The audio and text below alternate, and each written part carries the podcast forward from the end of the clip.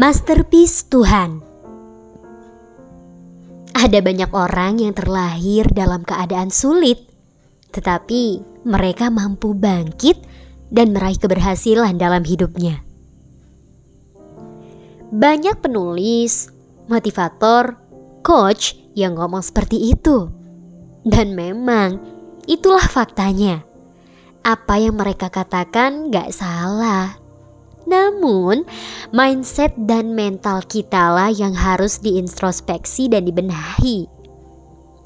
Kebanyakan dari kita dan gue juga kali ya, pernah mungkin ya, hanya menganggap biasa kalimat tadi karena udah terlalu sering dengerin omongan kayak gitu tuh.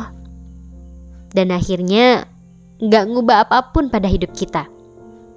Gak ada yang terjadi. Namun, kenyataannya emang bener ada banyak orang yang terlahir dari kalangan mewah tapi bermental lemah.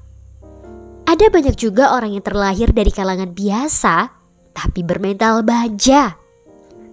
Jadi ini artinya adalah bukan dari mana tempat kita berasal, bukan dari mana keluarga kita, bukan dari latar belakang seperti apa kita dan keluarga kita, tapi tentang bagaimana kegigihan yang kita miliki dan cara pandang kita dalam memandang segala sesuatu.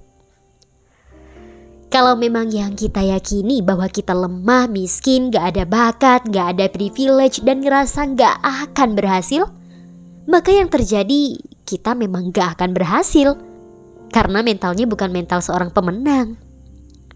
Sering kan dengar kalimat kayak gini? Kerasa basi kan di telinga? Panas dengernya. Tapi faktanya emang kayak gitu. Coba perhatiin aja. Orang-orang yang berhasil dengan yang kurang berhasil. Pasti kualitas mentalnya beda. Akui aja. Jujur, jangan bohong dengan membuat alibi-alibi argumen untuk membela membenarkan kelemahan kita.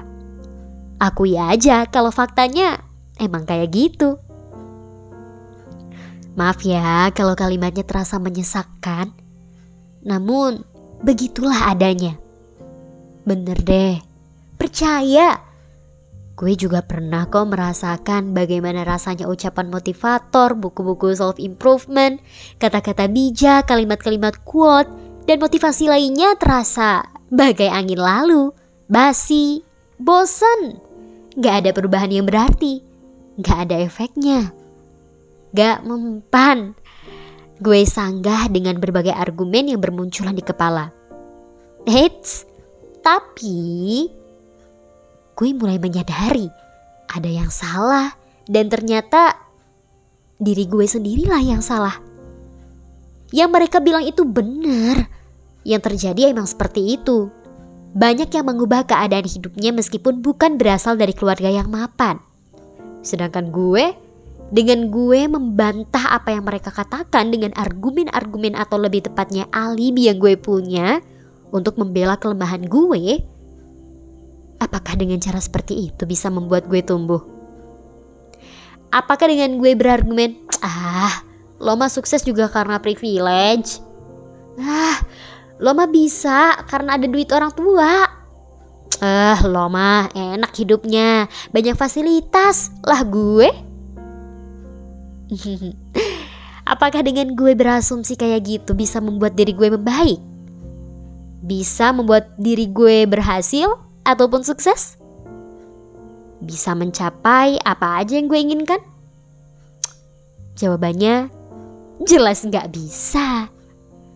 Alibi-alibi yang gue pegang untuk menutupi kelemahan gue ternyata nggak ada gunanya cuy.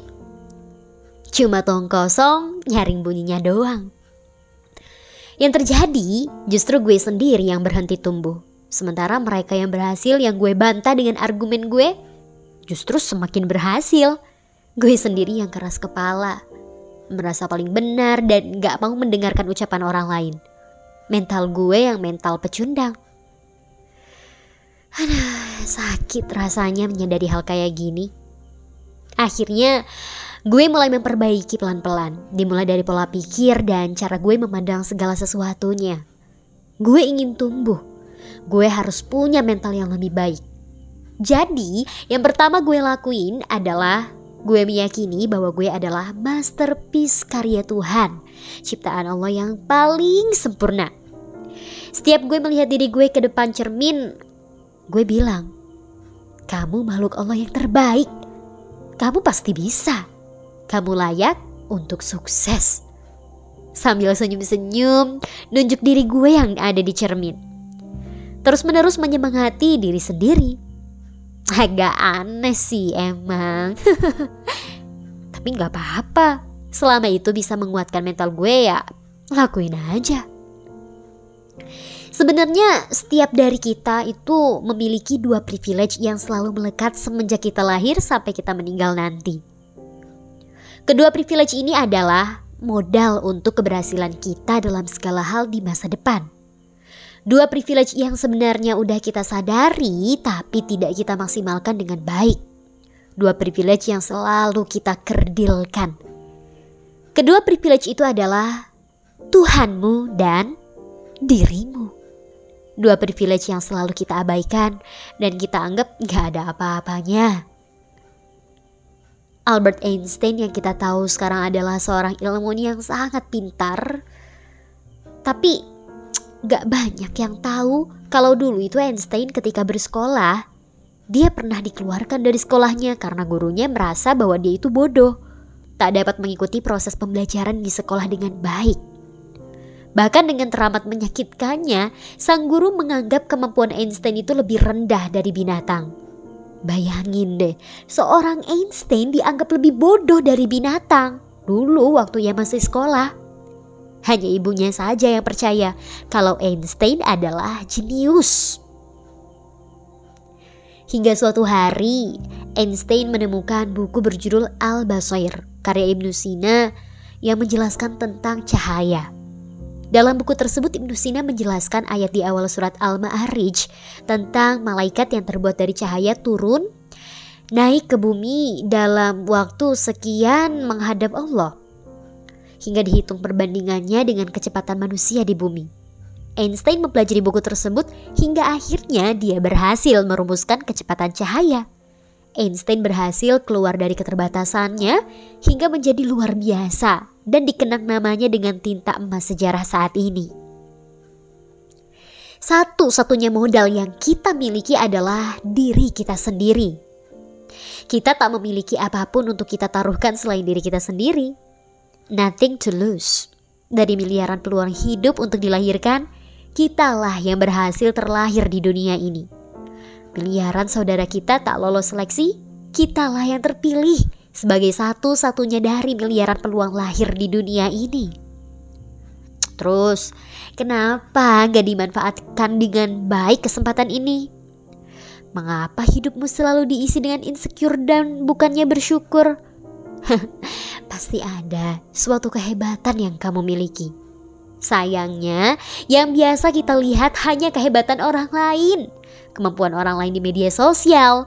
Sedangkan ketika melihat ke dalam diri sendiri, yang terlihat hanyalah yang ketertinggalan, perasaan lemah, merasa tak berguna, merasa beban hidup serba kekurangan. Padahal kita yang terlahir di dunia adalah sebuah karya masterpiece dari Tuhan yang Maha Pencipta. Lihat kembali dalam dirimu. Temukan satu saja peluang yang mampu menghebatkanmu di masa depan. Pasti ketemu. Coba deh. Latihlah, pahami lalu kuasai. Yakinkan dalam hatimu hingga terpatri di dalam dada bahwa kamu adalah masterpiece Tuhan dan kamu layak untuk sukses.